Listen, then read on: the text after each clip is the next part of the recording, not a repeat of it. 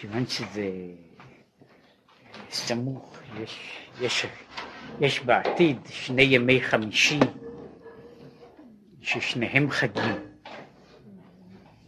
שזה יפה מאוד שיש חג כזה, כן, ואני חושב שזה גם, גם לגברים וגם לנשים אפשר להבין כמה טוב לחיות בארץ ישראל. רק תחשבו על זה, איך זה להיות בחוץ לארץ, שיש יש אחר כך, יש פעמיים, אה, עוד, עוד, עוד פעמיים, עוד שבועיים כאלה של חמישי, שישי, שבת, כן, שזה, אז, אפשר להבין שזהו, לדעתי עושים את זה, את היום טוב שני של גלויות, בשביל להעניש את אלה שחיים בחוץ לארץ. שידעו שזה, שזה לא רק, זה לא רק תענוגות.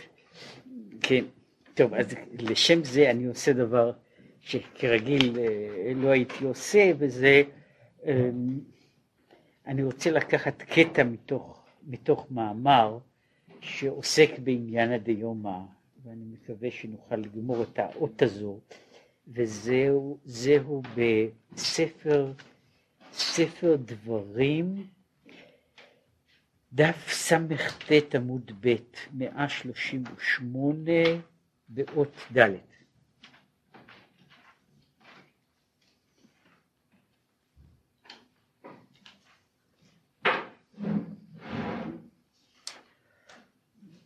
עד כאן המאמר דיבר במה שקוראים לזה, בדברים, ב, ב, בתיקון העולם, ב, מדוע יורדת הנשמה לגוף, מה היא מצליחה לעשות, לעשות בתוך העולם הזה, וכמה היא מגיעה, עד היכן היא מגיעה ב, על, ידי, על ידי תורה ומצוות.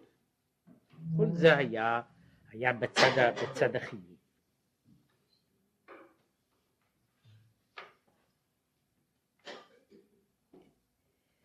אך כל זה שדיברנו עד כאן הוא בקיום התורה והמצוות. אבל בהיפוך,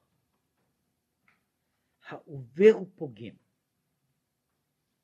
עכשיו, הפגם יכול להיות באופנים שונים, אפילו בביטול מצוות עשה. יש פגמים מסוגים שונים, ואחד הפגמים הוא שבן אדם איננו מקיים מצוות עשה, שהיה, שהיה מוטל עליו לעשות אותה, וכי ביטול מצוות עשה אינו רק אה, שבן אדם שהיה, ש, שהיה היה מגיע לו, היה צריך לברך על ארבעת המינים ולא ברך, אלא אפילו מי שאפשר לו לעסוק בתורה ואינו עוסק, כן? שזה סוג של ביטול מצוות עשה שאיננו עומד באותה דרגה משום ש... אין זמן מוגדר ואין עשייה מוגדרת ש, שבן אדם יושב ועוסק בתורה ולכן הביטול מצוות עשה הזה הוא לא רק נפוץ אלא הוא, הוא גם לא מדיד. כן? ו, ו, והשאלה, השאלה איך, איך עושים את, ה, את הדיון בזה הוא אה, אה, הוא תמיד שאלה גם של קנה המידה של אדם. היו אומרים ש, ש, שהגאון מווילנה היה בערב יום הכיפורים עושה חשבון הנפש אה, של, של כל, כל חסרונותיו, כל חסרונותיו במשך השנה והיה מונה שם את אה, ביטול מצוות עשה של תלמוד תורה והיה מבכה את זה שבמשך השנה הוא ביטל איזה, איזה 40 דקות מתורה, כן? אה, טוב, יש אנשים אחרים שאם היו עושים חשבון על זה, הם היו מגיעים למספרים יותר מכובדים, כן? אבל, אה, אבל הוא אומר, זאת אומרת שזה לא משנה מהו, איזה סוג של פגם זה, בין שהוא ניכר או לא. עכשיו, מי ש... אפילו מי שאפשר לעשות, הרי עושה חיסרון בהמשכת בחינת קודש העליון. הרי מצוות עשה היא כמו שהוא גם מבאר פה, היא המשכה של קדושה לעולם. האיש שביטל מצוות עשה, זאת אומרת, יש עכשיו, היה צריך להיות משהו בתוך העולם, והדבר הזה חסר. ואז נוצר במובן הזה חסר בתוך הרצף של העולם. כל שכן ועוברו על מצוות לא תעשה, דאורייתא או דרבנן, הרי על ידי זה מטמא נפשו שהיא בחינת טהורה, והוא מוריד אותה, זאת אומרת הנפש שהייתה הנשמה שנתת בי טהורה היא, היא עכשיו על ידי מצוות לא תעשה, היא בעצמה נפגמת, שהוא פה מדבר, יש בעצם שני צדדים. ביטול מצוות עשה הוא חיסרון. הוא חיסרון. ולפעמים הוא חיסרון, חיסרון, אה, חיסרון ניכר בעולם. עכשיו, עבירה על מצוות לא תעשה היא פעולה שמעבר לפגם שהיא עושה בתוך המציאות של העולם, היא גם פוגמת משהו בתוך האדם בעצמו. זה לא רק שחסר לו דבר, שיש פה, פה דבר שהוא מטמא את נפשו הטהורה. וכמו שעל ידי המצוות היא מתעלית מבחינת טהרה לבחינת קדושה. הנשמה שנתת בי טהורה היא. כאשר המצווה עושה, הנפש נפש עושה מצווה, היא עולה מדרגת טהורה למדרגת קדושה. שבמובן אחד אפשר להגיד כך, כאשר אדם עושה מצווה, וזה, שוב, זה בולט יותר במצוות עשה מאשר במצוות לא תעשה, כאשר אדם עושה מצווה, ברגע הזה הוא נעשה חלק מן הקדושה. לא תמיד חושבים על, ה, על, ה, על הצד הזה או על המבנה המורכב הזה. מצווה הרי איננה איזשהו אובייקט שנמצא בחוץ. האובייקט הזה שנמצא בחוץ יכול להיות תשמיש מצווה, אפילו תשמיש קדושה, אבל לא יותר מזה. הוא בעצמו איננו קדושה. כיצד נוצרת הקדושה? הקדושה נוצרת על ידי, על ידי יצירה של מעגל. והמעגל הזה הוא הקשר בין האדם והמצווה. בין שהיא מצווה שיש לה חפץ, או מצווה שאין לה חפץ.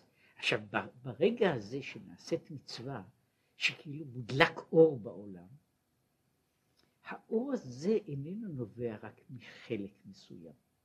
מן המצווה. האור הזה נובע לא פחות מקיומו של האדם שעושה את המצווה. זה כמו שתיארו את הדברים הללו בצורה קצת, קצת אה, אחרת, שהוא מדבר על נר מצווה ותורה אור. ההגדרה של נר מצווה היא שהנר מורכב מכלי הקיבול, מן השמן ומן הפתיל. עכשיו, כולם ביחד יוצרים את הנר הדולק, ובתוך אלה הם כולם ביחד הם נר, נר בפעולה.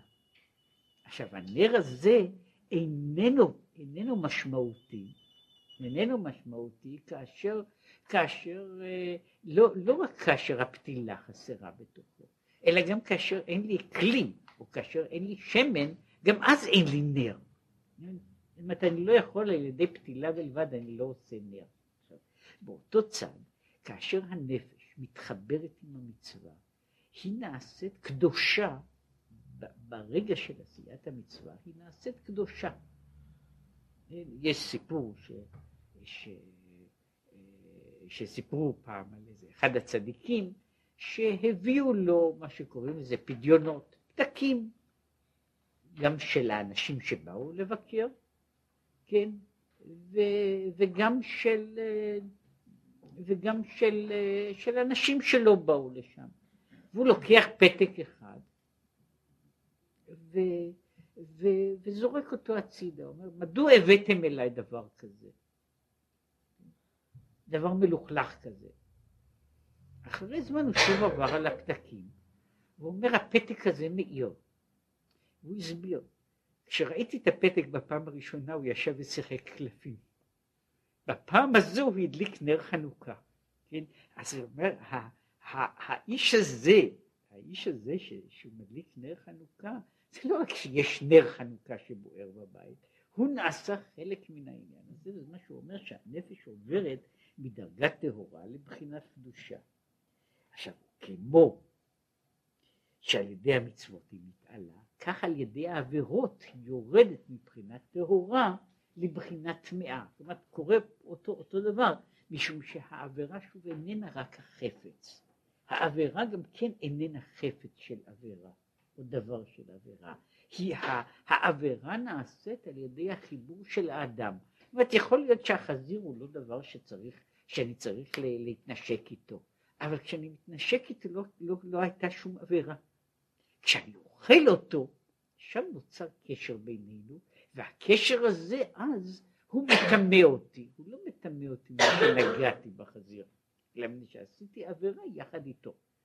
כן? ואז נוצר הדבר הזה שהוא מוריד את הנפש. כן? אז יש פה שני הצדדים של העלאה והורדה, וזהו שהוא מדבר על הביטוי, הביטוי שמופיע שם בדברים של אביגיל לדוד. והייתה נפש אדוני צרורה בצרור החיים את השם, וההמשך שהוא חשוב כאן, ונפש אויבך יקלענה בכף הקלע. עכשיו, יש פה שני הדברים, יש להיות צרור בצרור החיים, או להיות בכף הקלע. הוא מסביר משהו בזה. כמו הזורק אבן על ידי הצרור, שמגביהה, מגביהו למעלה מטבעו. כך הוא עלייה על ידי המצוות.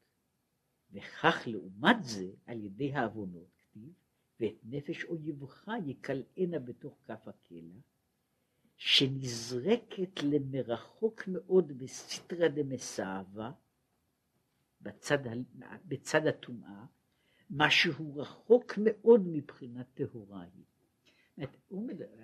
הדימוי הזה של הצרור כן?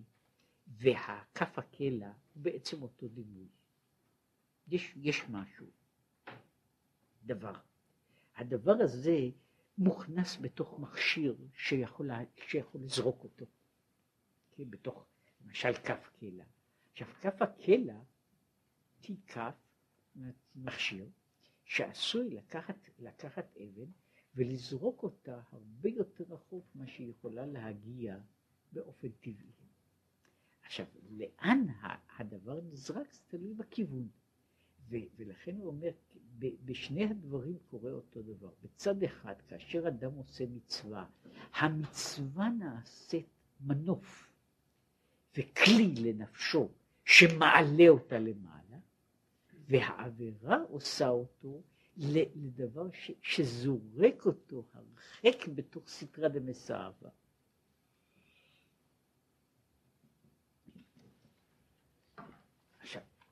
והתיקון עד כאן דיברנו על זה ש, שיש קלקולים, ויש קלקולים בעולם בדרגות שונות. עכשיו, מהו התיקון לזה?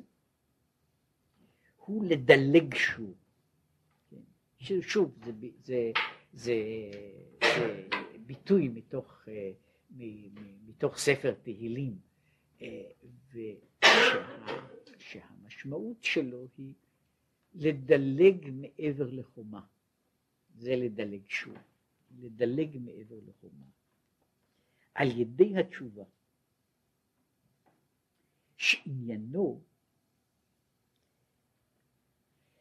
וכאן הוא חוזר לשאלה שהיא אה, בעצם שאלת התשובה, עניין התשובה ומהות התשובה בכללה, מעבר לפרט הזה. מה עושה תשובה? מה עושה תשובה? באופן, באופן פשוט, באופן פשוט, תשובה היא כאילו החזרה של דברים. החזרה של דברים. היה דבר שהיה מונח לו במקום, אני שם אותו במקום. עכשיו, מבחינת המציאות, תשובה היא דבר הרבה יותר מורכב. היא דבר הרבה יותר מורכב. מדוע? שברוב המקרים וברוב החוויות של חיי, התשובה, התשובה שלי איננה, איננה תלויה בפשטות בהשבה של מה שקוראים לזה סטטוס קוו אנטה. החזרת המצב, החזרת המצב למה שהיה קודם לכן. מפני שאינני יכול, אינני יכול לעשות את זה. אינני יכול לעשות את זה. הדבר נעשה, אני אביא דוגמה, יש תשובה פשוטה שהיא קשורה גם בכל מיני צדדים של הלכה. גנבתי ממישהו, גנבתי כסף. עכשיו, תאורטית, כשאני מחזיר את הכסף למקום, אני תיקנתי את, ה, את העבירה שעשיתי. עכשיו, זה מעניין שזה מועיל למשל לגבי גזילה, אבל לא לגבי גניבה. בגניבה הוא צריך להחזיר כפליים כדי לעשות תשובה.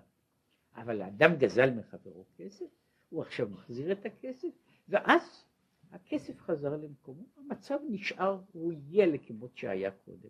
זה אגב, גם בספרי ההלכה כתוב שהחלק הזה הוא, הוא החזרה של הכסף. יש גם חלקים אחרים, והם ישנו בזה, שהם, שלהם יש חלק אחר של תשובה, שהוא לא תשובה שכתובה דווקא בספרים, בכל הספרים. החלק האחד הוא, אה, אני גרמתי למישהו צר. במקרה הזה אני צריך לעשות תשובה גם על זה, וזה יותר מסובך, כן? זה יכול להיות כמובן שאני לוקח, לקחתי ממישהו דבר, הוא לא יודע שלקחתי, אני מחזיר, הוא לא יודע שהחזרתי, ואז המצב נשאר כאילו כמות שהיה, שהיה מתחילה. עכשיו, יש הדבר הנוסף, שוב חלק של התשובה, וזה מעמיד את זה, את התשובה גם בצד הזה. אני לקחתי דבר, ואז אני הייתי גנב. אני החזרתי את הכסף, החזרתי את הכסף. עכשיו, אני לא יותר גנב בפועל. אבל אני הייתי גנב, ואני ממשיך בעצם להיות גנב. כן? אני גנב שיחזיר את הכסף. כן? יש הרי הדבר הנוסף שנוצר, בתוך הדבר הזה נוצר עוד דבר. הדבר שנוצר היה, אני עשיתי גם משהו בתוך עצמי, מעבר למה שפעלתי באחר. אני עשיתי גם משהו בתוך עצמי. עכשיו, איך, איך מתקנים את הדבר הזה?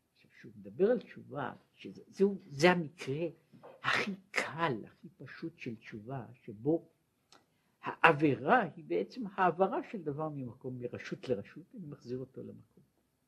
עכשיו, בכלל תשובה היא דבר הרבה יותר מסובך. תשובה פירושה להחזיר מעשה שנעשה, להחזיר את ההיסטוריה, לשנות את המציאות. איך אני יכול לשנות מציאות? איך אני יכול לשנות מציאות? ו, ולכן התשובה מעצם מהותה היא כוללת משהו שאיננו מקביל ואיננו זהה לעניין של העבירה. מה, מהבחינה הזו העבירה והמצווה הן מקבילות. הן תזוזות של האדם על ציר אם האדם נמצא באיזשהו מקום, באיזושהי נקודת התחלה, באיזו נקודת אפס, הוא יכול, הוא יכול לגלוש בתוך הציר הזה אה, באופן חיובי או באופן שלילי. כן, אז הוא יכול לגלוש לשני, הוא יכול לגלוש לשני הצדדים. אבל התשובה איננה עניין של, של, של מצווה. התשובה היא, היא, היא דבר שהוא צריך, הוא, הוא שונה ממצווה, משום שהוא צריך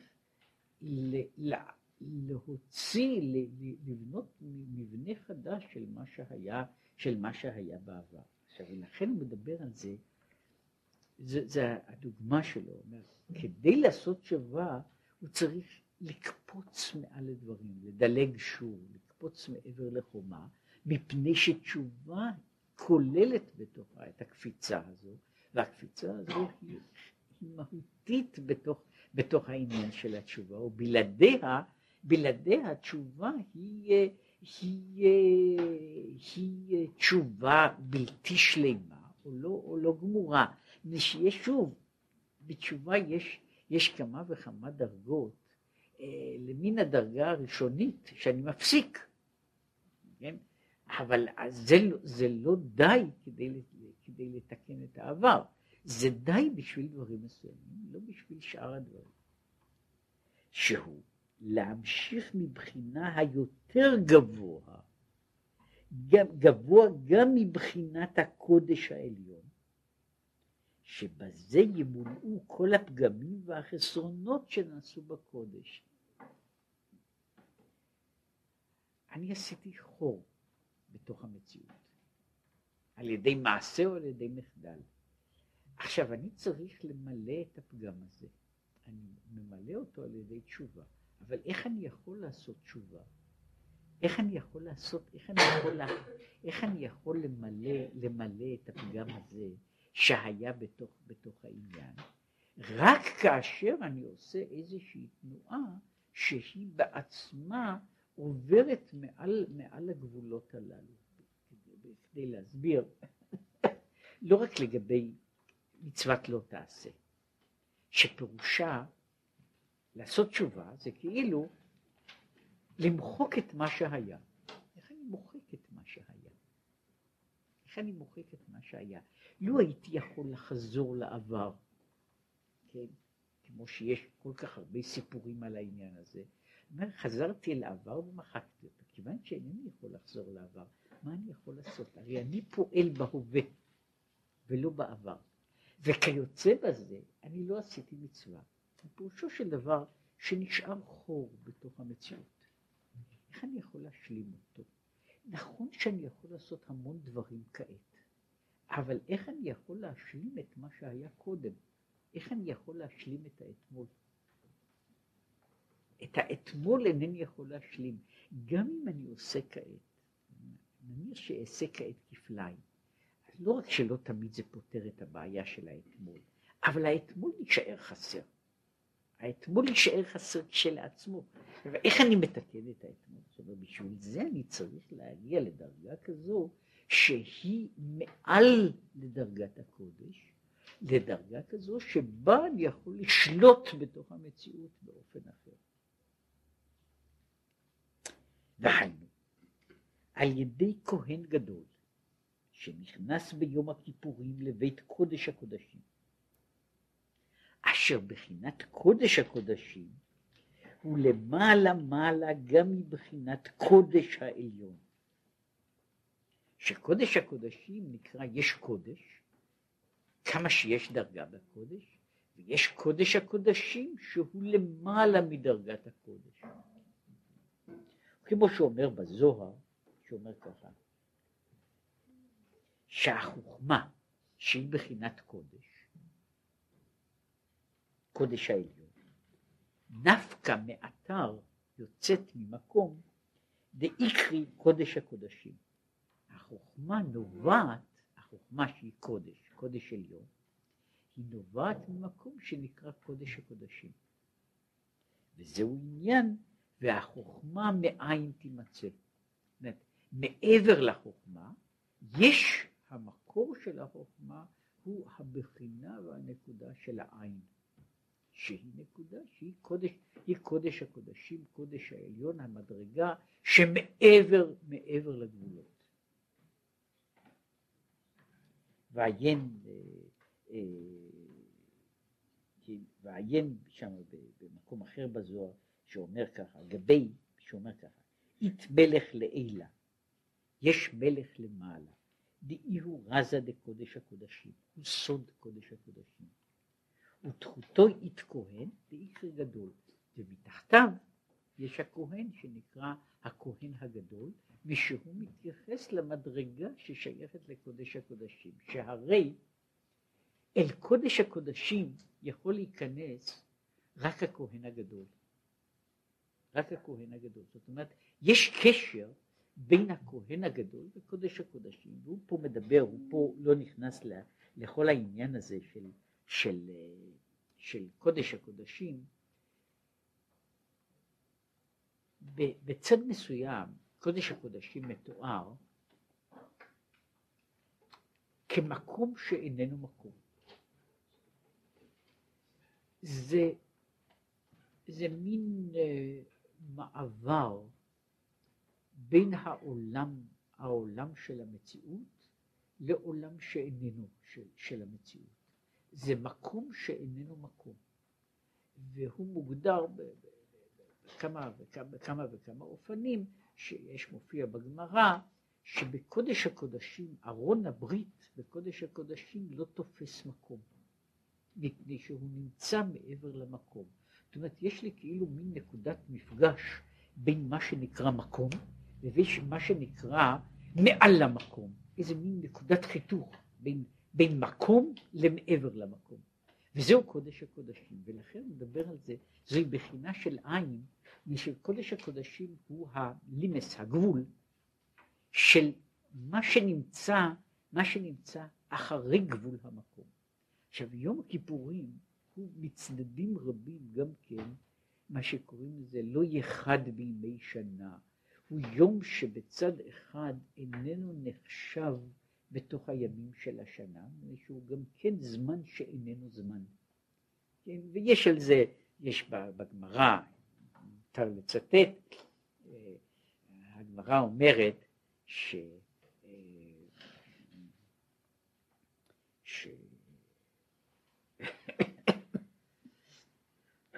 שהשטן, השטן, הוא, הוא בגימטריה אה, אה, שלוש מאות שישים וארבע.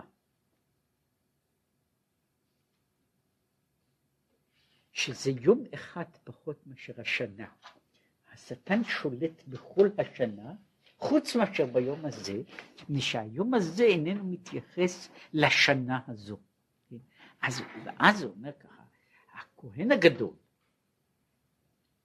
נכנס לקודש הקודשים ביום הכיפורים, שהוא נכנס, זאת אומרת, נכנס האיש המיוחד, שהוא מיוחד בקדושה שלו בכל מיני ייחודים, כן? והוא נכנס ביום שאיננו יום למקום שאיננו מקום. כן? וזהו הכניסה אל מה שהוא קורא, אל קודש הקודשים. הקודש העליון, שהוא מה שהוא קורא לזה החוכמה מאין תימצא. זו היא בחינת העין שנמצאת, שנמצאת מעבר לכל, לכל היש, כולל היש של מציאות העולם. פירוש הרמז, של זכות שם על הזוהר, הוא כותב על זה שזהו עניין המלך הקדוש, המלך הקדוש שאומרים בעשרת ימי תשובה. שזה נקרא, זה, זה, יש המלך, יש המלך הקדוש. וביור העניין. היינו, כי קודש העליון זהו בחינת סובב כל עלמין. שאינו מתלבש בבחינת עלמין, אינו, הוא אינו נכנס בתוך העולמות ובתוך מערכת העולמות, כי אם סובב ומקיף עליהם, שלכן נקרא קודש. זאת אומרת, הקודש הוא זה שאיננו מתייחס אל מציאות. וזהו העניין של, של סובב כל עלמין, הוא קודש הקודשים, ועכשיו הוא מסביר. אך באמת, גם בחינת סובב כל עלמין, אינו ארוך למהותו ועצמותו יתברך, שהוא אינו בגדר עלמין כלל, לא בבחינת סובב ולא בבחינת ממלא. מדוע?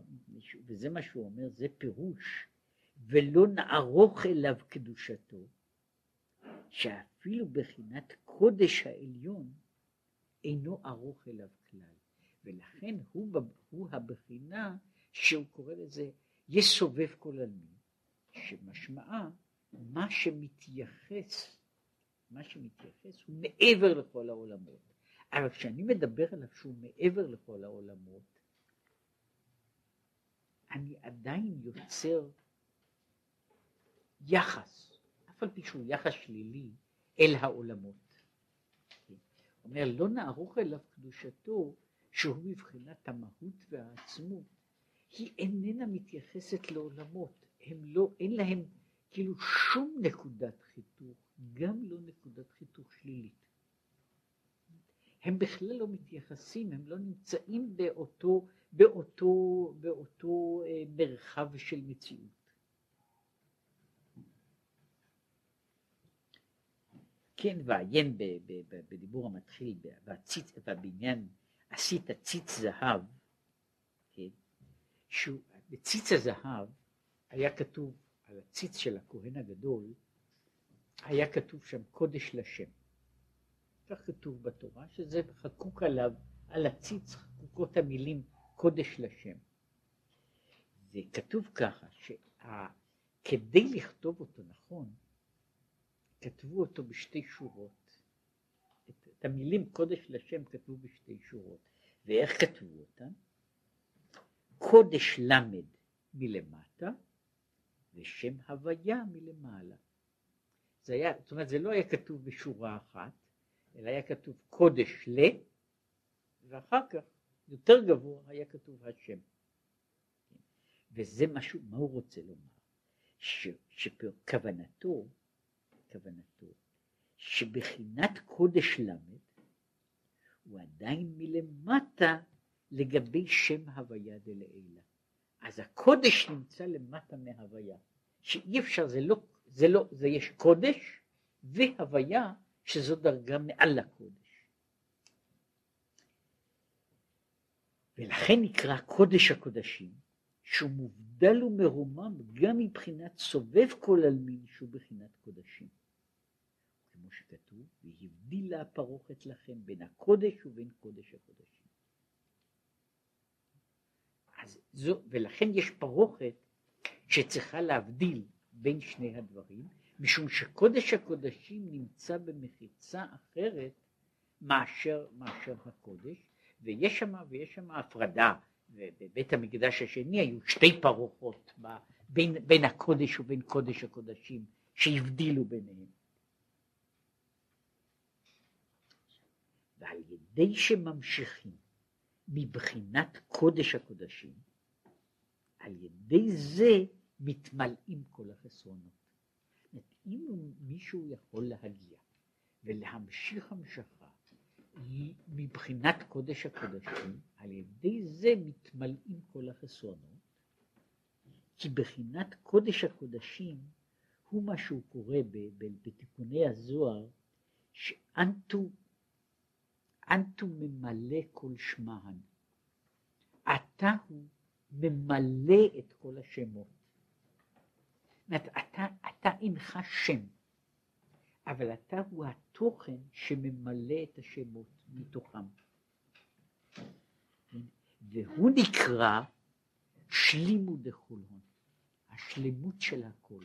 עכשיו, כשהוא מגיע אל קודש הקודשים, בקודש הקודשים בקודש הקודשים הוא מגיע אל הדבר שהוא השלמה של הכל, שהוא ממלא את הכל, ושבו המשמעות של חיסרון, המשמעות של, של כל סוג של פגם איננה קיימת בכלל, מפני שהוא כל כך מנוסה מעבר לכל המציאות, מפני שהוא מושלם והוא השלמות של הכל, לכן כשאני מגיע אליו כל מה שהיה, כל מה שהיה, אין לו יותר משמעות. אין לו יותר משמעות, ואז כל, זה ממלא את כל החסרונות, את כל הפגמים בין אלה שבהווה, בין אלה שבעבר. וכמשל המעיין שנסתם, או נהר שנחרב ויבש, שחופרים בעומק יותר. מה, מה קורה כאשר הנהר, הנהר מתייבש? מה קורה כאשר המעיין נסתם? הדרך, הדרך להגיע היא, היא לחתור בעומק אחר כדי להגיע אל המקור שממנו יוצא המעיין. כדי להגיע אל האפיק ש, ש, שממנו זורם הנהר, ואז אני ממלא, ממלא מחדש את הזרימה, הזרימה שהייתה. ולכן העניין הזה, שוב, זה ביטוי נהר יחרה ויבש, הוא שוב ביטוי מהמקרא, שהוא מדבר על איך אני משלים, איך אני משלים את הנהר שחרב. איך אני משלים, איך אני יכול, איך אני יכול לגרום שהנהר שוב, שוב יהיה נהר. כלומר, אני צריך לחפור בעומק יותר. עכשיו, כאשר נהר זורם, אינני זקוק לזה. אבל כאשר הנהר מתייבש, אני מתחיל להזדקק לזה. זאת אומרת, מה קורה כשאני עושה, וכמו שהוא הסביר, החטא הוא יצירה של פגמים בתוך הזרימה של הקודש. ואני יוצר שם מקומות, מקומות יבשים ודברים ש, שהם חסרים. כדי, כדי למלא אותם, אני צריך ליצור אה, סוג אחר של זרימה שתוכל לכסות גם על, על, על אותם הדברים, על אותם הפגמים. וזהו, מה, ש, מה שנאמר ביום הכיפורים, שעושה הכהן הגדול, וכיפר על הקודש מטומאות בני ישראל, שימשיך וימלא כל הפגמים שנעשו בבחינת קודש העליון, על ידי טומאות בני ישראל. אז הוא מכפר על הקודש, הוא מכסה את כל הפגמים שנעשו בקודש על ידי טומאות בני ישראל. ואין בזאת. והנה, עכשיו הוא אומר, זה, מה, מה עושה? הכהן הגדול נכנס, ל, נכנס לקודש הקודשים, ושם הוא מכפר על הקודש. והוא יוצר ב, ב, ברגע הזה סוג של מגע עם אה, מה שהוא קורא לזה, עם התוך של קודש הקודשים, ועל ידי זה הוא משלים את כל מה שחסר. והנה, הנה באמת, גם עכשיו, בזמננו, שאין מקדש, התשובה מועלת לזה. אפשר לעשות אותו דבר או שאפשר לעשות אותו דבר על ידי תשובה. וכמאמר חז"ל, יש קונה עולמו בשעה אחת. אז פירושו של דבר, ש, וזה תלוי בעניין הזה, בדרגה ובטיב של התשובה. שיכולה להיות דרגה של תשובה שבה בן אדם קונה את עולמו בשעה אחת. זה מופיע בתוך ה... בתוך העניין, במסכת עבודה זרה, זה מופיע בתוך סיפור על אה, איש אחד שקראו לו אלעזר בן דורדיה, ומסופר עליו שהוא עשה, שהוא עשה כל עבירה שהיה יכול לעשות בעולם, עד שיום אחד הוא הגיע, הוא הגיע לזעזוע גדול, כן, ושאמרו לו שאין לו, ש, שאין לו תקנה יותר. ואז הסיפור הולך ככה, ש... שהוא הוא הלך וישב באיזה מקום בין ההרים והוא בכה, הוא ביקש, הוא אומר, הרים וגבעות בקשו עליי רחמים, והם עונים לו, אנחנו צריכים לבקש על עצמנו. שמיים בקשו עליי רחמים. גם השמיים אומרים, אנחנו לא קיימים לעולם. ואז הוא גאה בבכייה, עד שיצאה נשמתו. ואז יצאה בת קול ואמרה, רבי אלעזר בן דורדיה מזומן בחיי העולם הבא. עכשיו, זה, זהו הסיפור. ועל הסיפור הזה יש הערה. בחר רבי ואמר, יש קונה עולמו בשעה אחת, ויש קונה עולמו בשנים הרבה, ולא עוד אלא שקראו לו רבי. זאת אומרת, מה שקורה פה זה שמביאים את רבי אלעזר בן דורדיה, מביאים אותו כדוגמה לבן אדם שעושה, אה, זאת אומרת, יש דרגות בתשובה. יש דרגה שבן אדם עושה תשובה, ואמרתי, יש תשובות בדרגות שונות, ולפי גודל התשובה או לפי עומק התשובה, יש העניין של המחילה, סליחה, הכפרה, הוא תלוי בעניין הזה, ושיש דברים מסוימים שהם, שהם שייכים ל, ל, ל, להגדרות, הגדרות נאמר של, ה, של החוק הפלילי, אז התשובה שאנחנו דורשים היא הרבה יותר קטנה. אז יש דברים שאנחנו דורשים בהם תשובה יותר גדולה, וכיוצא בזה. עכשיו, יש תשובה שבן אדם עושה מאיזה שהם חשבונות וחישובים ומרצונות כאלה וכאלה. התשובה הזו היא תשובה שהיא מגיעה עד לנקודה כזו של הנפש, שבן אדם גאה בבחייה עד שיצא נשמתו. זאת אומרת, התשובה הזו היא כזו שהיא, הוא לא יכול לחיות יותר. הוא לא יכול לחיות יותר. זאת אומרת, התשובה היא לא מגיעה לחוויה, להרגשה, ל... אם הייתי אומר את זה, אה, היו אנשים שעשו, יש, יש מערכות של תשובות, הן לא סימפטיות, יש מה שקוראים לזה, יש תשובת הקנה, אה, יש כל מיני תשובות, ו, והתיאורים, יש, יש מה שקוראים מרשמים בשביל עבירות, כן? זה לא נעים לקרוא אותם, מפני שהם אה, הם לא נוחים לעשייה, כן? יש המרשמים הקלים, זה רק כמה צומות צריך לצום על כל מיני עבירות. אז יש, יש עבירות של 70 צומות, 80 צומות, 100 צומות. עכשיו זה החלק האחד. אחר כך יש, יש הסיגופים האחרים, כן? מגלגול שלג, שבן אדם מתגלגל ערום בתוך השלג, עד, ל, עד לדברים דברים הרבה יותר קשים. יש, יש מערכת שלמה מערכת שלמה כזו של ייסורים ושל סיגופים, אה, כן, אה, אה, היו מספרים על הרבי רבי אלימלך, שהוא היה עושה תשובה, שהיה יושב בין נמלים כדי שיעקצו אותו, כן, להוסיף על זה, וכשהנמלים הפסיקו לעקוץ אותו, הוא צועק אל עצמו ואומר, מלך, תראה כמה רע אתה, אפילו הנמלים לא רוצות לנשוך אותך יותר, כן, עכשיו, אז יש, יש, יש מערכות כאלה של, של, של תשובות, אה, אחת, אחת קשה מן השנייה. עכשיו, כל אלה הם דברים שאדם עושה. כן? ואלה הם תיקונים, קטנים או גדולים. אבל יש דבר שהוא לא קשור לעניין הזה, מה הוא עושה, איזה סיגופים הוא עושה, אלא האיש הזה ש, שיצאה נשמתו בבכייה מחמת החרטה, זה פירוש הדבר שזה נוגע עד שורש חייו. זאת אומרת, התשובה שלו היא, היא כזו שנוגעת עד לחייו, לשורש חייו, לא על ידי איזשהו דבר חיצוני, אלא על ידי, על ידי שהחרטה בעצמו הוא נעקר מן. עכשיו, מה שיוצא זה, אומר, האיש הזה היה איש רשע. כן? עכשיו, התשובה שלו, שמגיעה עד לקצה העליון, ושהיא מבחינה מסוימת נוגעת באינסוף, התשובה הזו משלימה את הכל. היא משלימה לא רק את, את הדבר שהוא קונה את עולמו, זאת אומרת שהוא רוכש מחדש עולם שלם.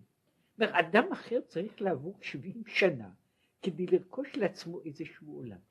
והאיש הזה ברגע הזה הוא קיבל את, את עולמו, את, ה, את, ה, את עולם הבא שלו, הוא מקבל אותו כולו מזומן ומוכן בבת אחת. ולא עוד אלה שקראו לו רבי, אומר, זה דבר, שזה דבר, מאיפה הוא נהיה רבי? מאיפה הוא נהיה רבי? מכיוון שהוא מגיע אל, כיוון שהוא מגיע אל השלימות דכולו, אל השלמות של הכל, אז השלמות הזו נותנת לו גם את כל התארים שיש בעולם. זאת אומרת, הדבר הזה שאנחנו אומרים, אומרים שהוא בלתי אפשרי, בן אדם לא יכול, לא יכול לקנות לעצמו דעת אם הוא לא יודע, גם בתשובה גדולה באהבה רבה, כן? אבל בתשובה הזו הוא נעשה מושלם מכל הצדדים. עכשיו זה מה שהוא קורא לזה שהוא קונה עולם משום שהוא נאחז בבחינת האינסוף. עכשיו הוא מסביר עכשיו, ואיך, מדוע זה קורה? והיינו, מפני שהעולם הזה הוא עולם התמורה. כאן הוא נוגע בנקודה, יש, העולם שלנו מיוחד משאר העולמות בכמה צדדים. וכשם שהוא מיוחד בגשמיות שלו, בגסות שלו, בעובי שלו, הוא גם עולם יחידי שהוא כולו נייד, שהוא עולם בלי גבולות ובלי חוקים. בצ... באיזה צד? שבו יש דבר שהוא... שנקרא תנועה, שבו יכול, שבו האדם יכול לשנות את טעמו מרע לטוב מיד כרגע. כן? שהרי אמרו חז"ל, תלמיד חכם שעבר עבירה ביום, אל תהרהר אחריו בלילה, שבוודאי עשה תשובה. ואינו כמו העולם הבא, מפני שהעולם הבא הוא לא עולם של תמורות, הוא עולם של יציבות. ובתוך העולם הזה יש חוק, שבעולם הבא, שם הוא הכל בהדרגה, כפי הראוי על פי הדין. ושם בעולם הבא, שמביאים אדם שפגם בעולם הזה, מביאים אותו לעולם הבא, שם הוא לא יכול לעשות תשובה. ושם צריך לנקות אותו, לטהר אותו, לזכך אותו. אז יש שם דרגות. שקודם נכנס לכף הקל התחילה. הוא עובר שם כמה שהוא עובר כדי לטהר את עצמו, מה שקוראים טיהור ראשון. אחר כך גיהנום. אחר כך, אחרי שהוא יוצא מזה, אחר כמה זמן, אז הוא מגיע לגן עדן התחתון וגן עדן העליון, ו, ויש בזה סדר, יש בזה סדר, מפני שהסדר הזה אומר שבעולם שיש בו סדר, אני לא יכול לשים דבר במשבצת הלא נכונה. דבר שנמצא במשבצת הלא נכונה, הוא לא נמצא שם. זה עולם, עולם מוסדר, עולם, עולם שבנוי ומוגדר, בנוי ומוגדר על פי חוק. ועולם בסדר ובהדרגה. מה שאין כן, מה שאין כן הוא אומר, העולם שלנו. עכשיו, ומדוע? משום שהעולם הבא הוא בחינת זיו השכינה. ואי אפשר לקבל האור והזיו אלא בהדרגה. ו, ומפני שיש בו הדרגה, אז יש, אומרת, ה, ה, זה עולם שבו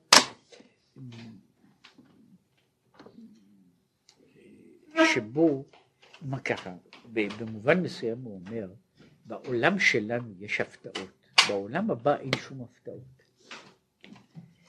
ושמה, לכן כל דבר נמצא במקום שלו, ואיננו יכול להיות במקום אחר.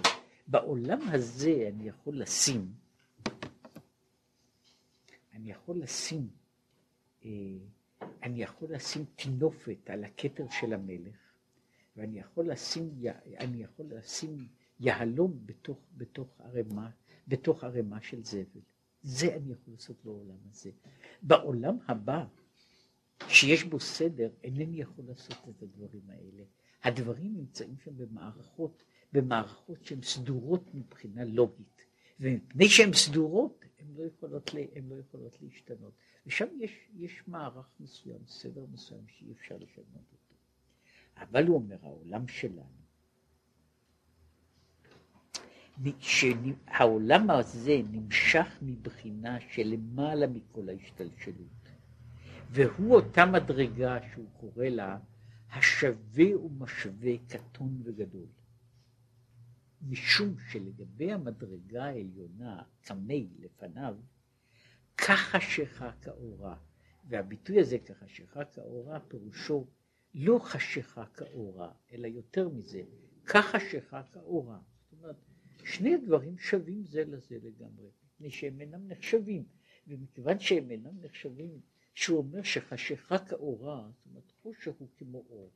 שהוא אומר כחשיכה כאורה, הוא אומר אין הבדל בכלל בין חושך לאור. חושך הוא כמו אור, אור כמו חושך, אין שום, שום, שום, אה, שום עניין ביניהם, וכמו אומר גם חושך לא יחשיך ממך, כנודע.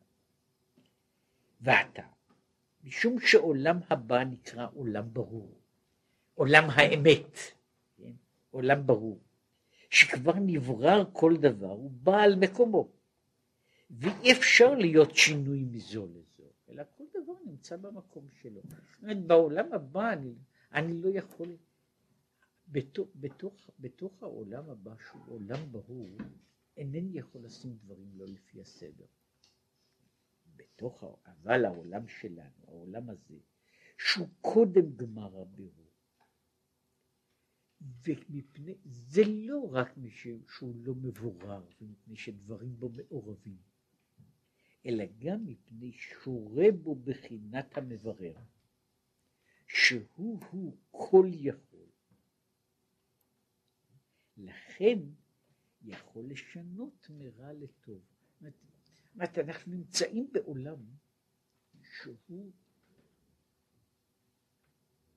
שהוא העולם ש, שהוא יוצא מן הכלל משום שהוא, משום שהוא עולם של בחירה. שפירושו עולם של תנועה, שפירושו עולם שאין בו חוק.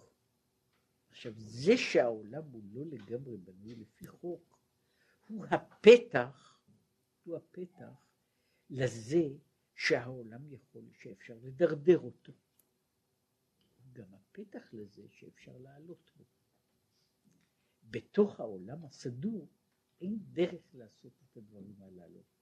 שהדברים נמצאים בצורה, בצורה מוגדרת, ושם אי אפשר, אי אפשר, אי אפשר לשים אותם, אלא בתוך המקום שלהם, אין להם שום עמידה במקום אחר. זאת אומרת, במובן הזה, אני יכול בתוך, בתוך, עולם, בתוך העולם הפיזי, אני יכול לעשות כל מיני דברים. בתוך עולם קונספטואלי, אי אפשר לשים אותם.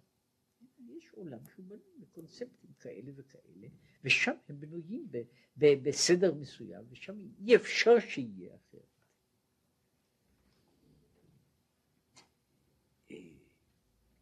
ולכן כתיב, מי לי בשמיים ועמך לא קפצתי בארץ. שמיים וארץ הם גן עדן עליון ותחתון, בהיקף הכי גבוה שלהם. יש גן עדן עליון ושמיים, גן עדן תחתון הוא הארץ. וכן, עמך הוא כעניין מה שכתוב, כי עמך מקור חיים. שמקור החיים, שהוא השפיעה של כל החיים, שהיא מעל ומעבר גם לגן עדן עליון וגם לגן עדן תחתון, היא בעצמה, זה נקרא עמך.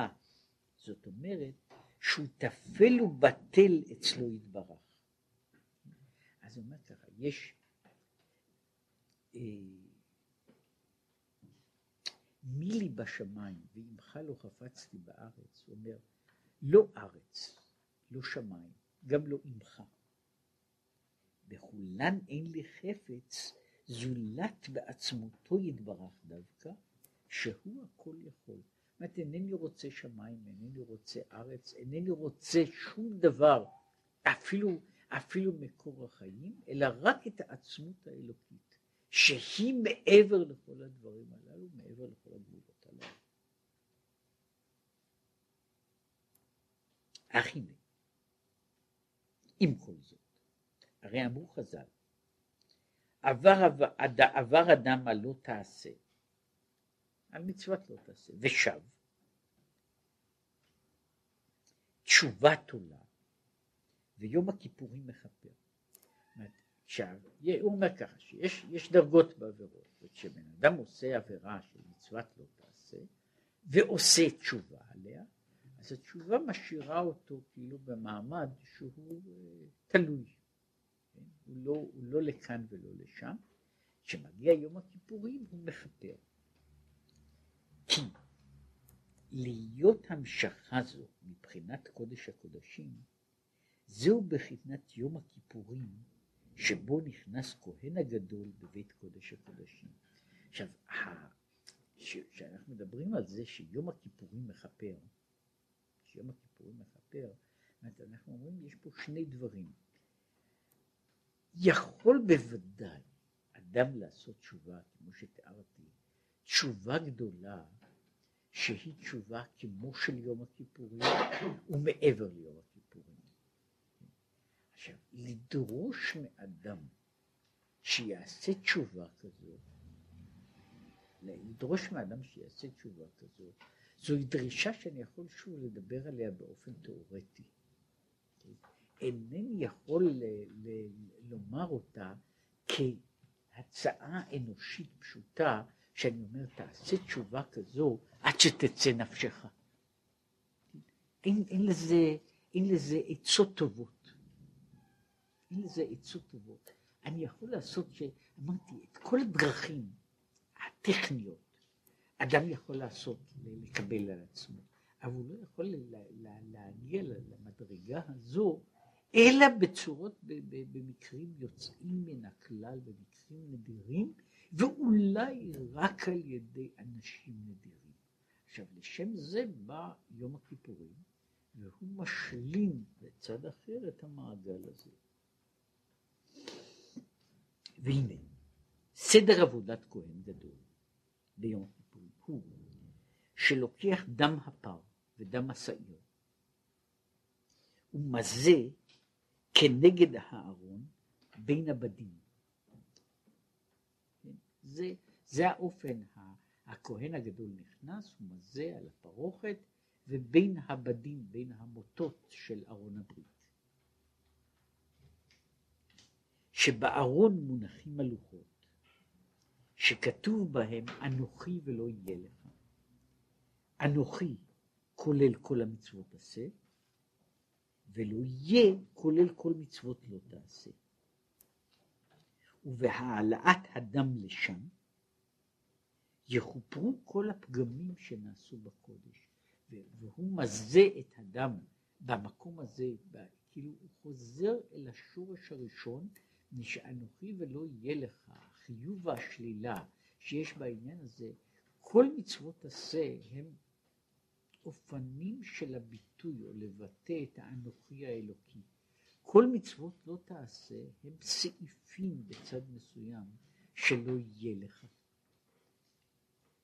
אף על פי שהם סעיפים שונים, הם, לא יהיה לך מסתעף, כמו שיש כל מיני עבודה זרה, ככה עבירות מסתעפות, כן? אז יש uh, כל מיני עבירות קטנות, אבל בסך הכל זה השורש הראשון של, של המצוות עשה ולא תעשה.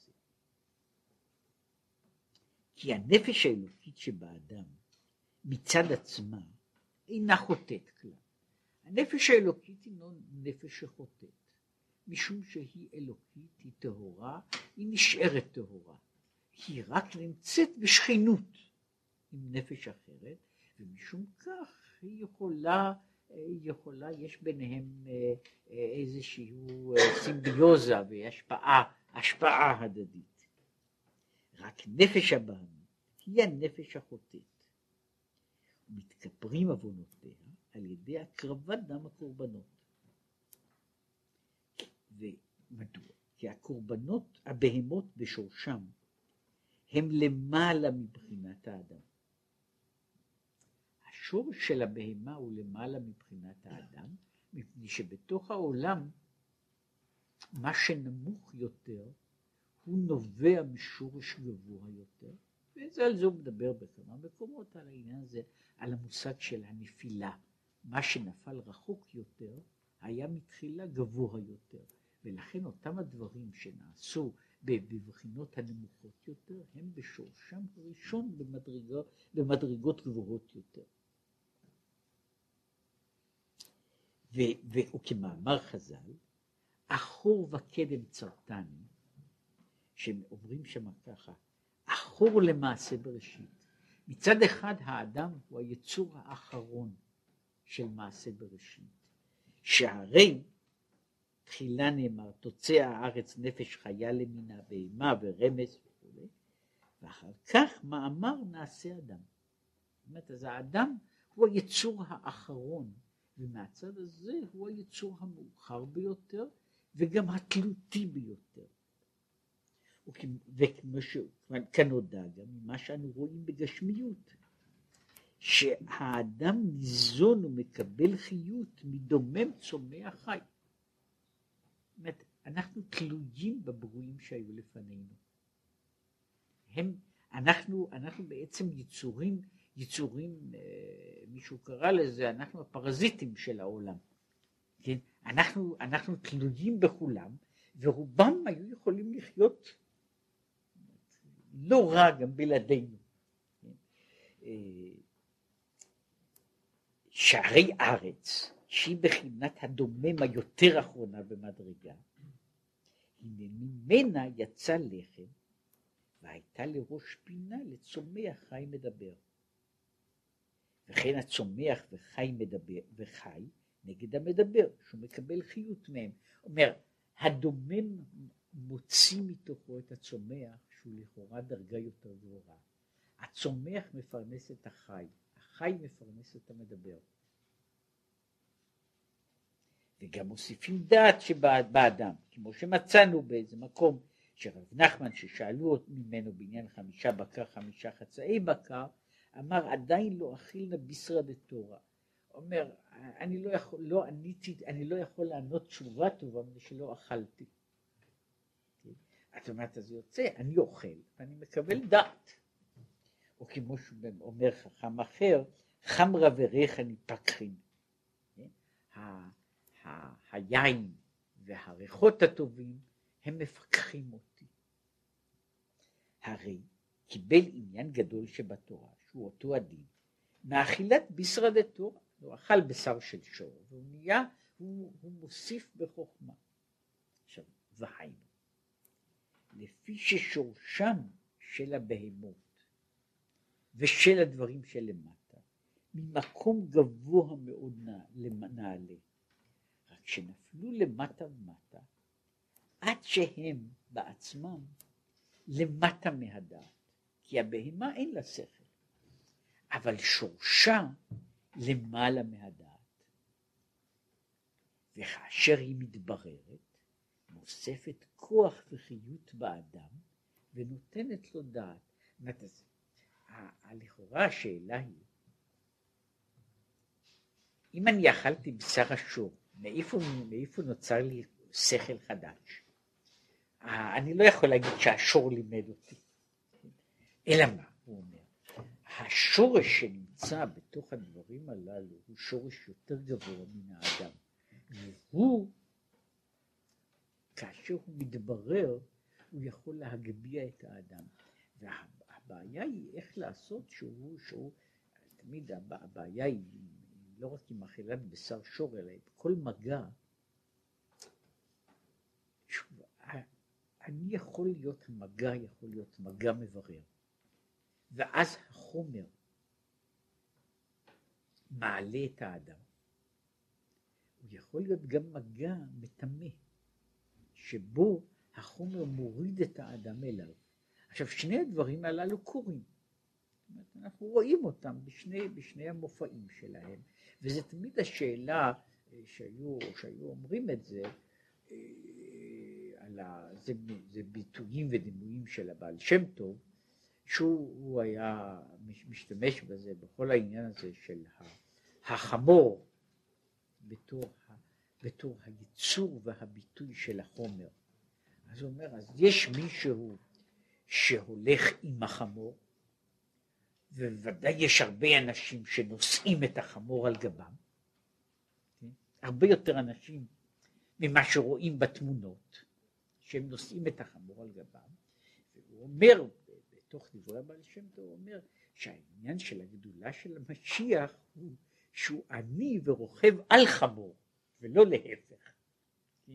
מפני ששליטים שהחמור רוכב עליהם, זה אפשר למצוא שניים בגרוש, כן, אבל מישהו שרוכב על החמור, בשביל זה צריך לחכות הרבה זמן.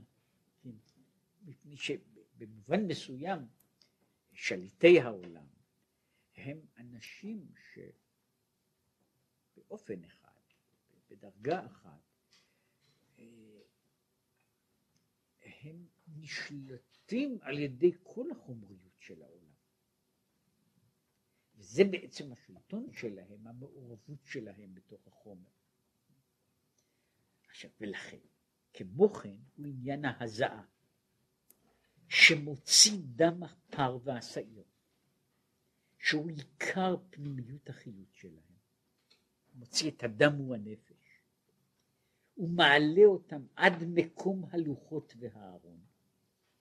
וכאשר הוא מושך אותם, מעלה אותם למעלה, אז הוא ממשיך ממקום גבוה מאוד נעלה, הוא מכפר וממלא כל הפגמים שנעשו בקודש. עכשיו, זה מדבר על העניין הזה, שזה העניין של כל הכיפורים, של יום הכיפורים, הוא עדיין ממלא את הפונקציה הזו, שהוא המגע עם הקודש, עם קודש הקודשים, מה שהוא אחר כך, מה שצריך, אף אחד אין לו עליו איסור לא ללמוד הלאה, אבל שהוא מדבר על העניין הזה שיום הכיפורים נקרא שבת שבתון, כן? שהוא המקביל לעניין של קודש הקודשים, הוא השבת של השבת, הקודש של הקודש, המעלה של המעלה, וזוהי המדרגה שלו, כן, שהוא, שהוא, מעלה. עכשיו פה מוסיף הנכד, בעניין ההזעה, למה הוא מזה את אדם? זה עניין תשובה שאומרים על זה שהוא בחיל היתיר. התשובה איננה, בזוהר הוא אומר שבעלי תשובה גדולים יותר בצדיקים, מפני שהם מושכים את הקדושה בכוח גדול יותר. וזה העניין הזה של הזריקה, זה לא שפיכה, אלא זריקה, מפני שהיא היא עוברת, היא מדלגת מעל הגבולות. וזהו על דרך הנזכר לאל בעניין מה שהוא קורא הטעם שנקרא זרקה. וכמו שכתוב בעניין אחר, מדלג על ההרים, מקפץ על הגבעות. עכשיו זוהי הזריקה שפירושו שדבר יוצא לא שוטט עובר ממקום למקום, אלא נזרק. זאת הוא מדלג על, ה, על המעברים, הוא קופץ מעבר למעברים, מעבר לתחומים. ועל ידי זה נמשך גם כן מלמעלה כאין זה, על ידי זה שהוא זורק את הדם מלמטה, שהוא, מה שהוא קורא לזה, השלכה, הקפיצה של הבהמי אל מול האלוקים. זו הקפיצה של הדם אל בין הבדים. באופן מקביל לזה יש בחינת וזרקתי עליכם מים טהורים. שהוא גם כן זריקה, שהוא מלמעלה מסדר השתלשלות כנודע, וזוהי הטהרה שבאה שבא מלמעלה כנגד, זו זריקה כנגד זריקה, כנגד הדם שנזרק מלמטה למעלה, יש המים הטהורים שנזרקים מלמעלה למטה, שהם עושים את הטהרה. אז ככה היה בתוך, ה, בתוך העניין הזה, בתוך, ה, בתוך החלק הזה של, של המאמר, זה בעצם היה על המהות של תשובה בכלל, ושל יום הכיפורים בתור יום שהוא מעבר לזמן, ונקודת מגע אל משהו מעבר למציאות, שבה האדם מגיע לחיבור אל קודש הקודשים. אל מה שנמצא מעבר לגבולות. ואם הוא מגיע לחיבור אל מה שנמצא, אל בחינת האינסוף, שם אין יותר חסרונות. כל החסרונות הם חסרונות שיכולים להיות בתוך הגבול. בתוך דבר גבולי אני יכול לעשות חור. בתוך הדבר גבולי אני יכול להוריד ממנו משהו, ולו גם גבול גדול מאוד. בתוך הגבול הכי גדול אני יכול לעשות נקב. בתוך האינסוף אני לא יכול לחסר מאינסוף שום דבר. אינסוף פחות מה שיהיה, הוא עדיין אינסוף. כן? ולכן הוא אומר שברגע שאני מגיע עד נקודת האינסוף, שם כל הפגמים מושלמים. שם אין משמעות לפגם, שם אין משמעות לחיסרון, שם אין משמעות למה שהיה או למה שהווה, למה שקורה.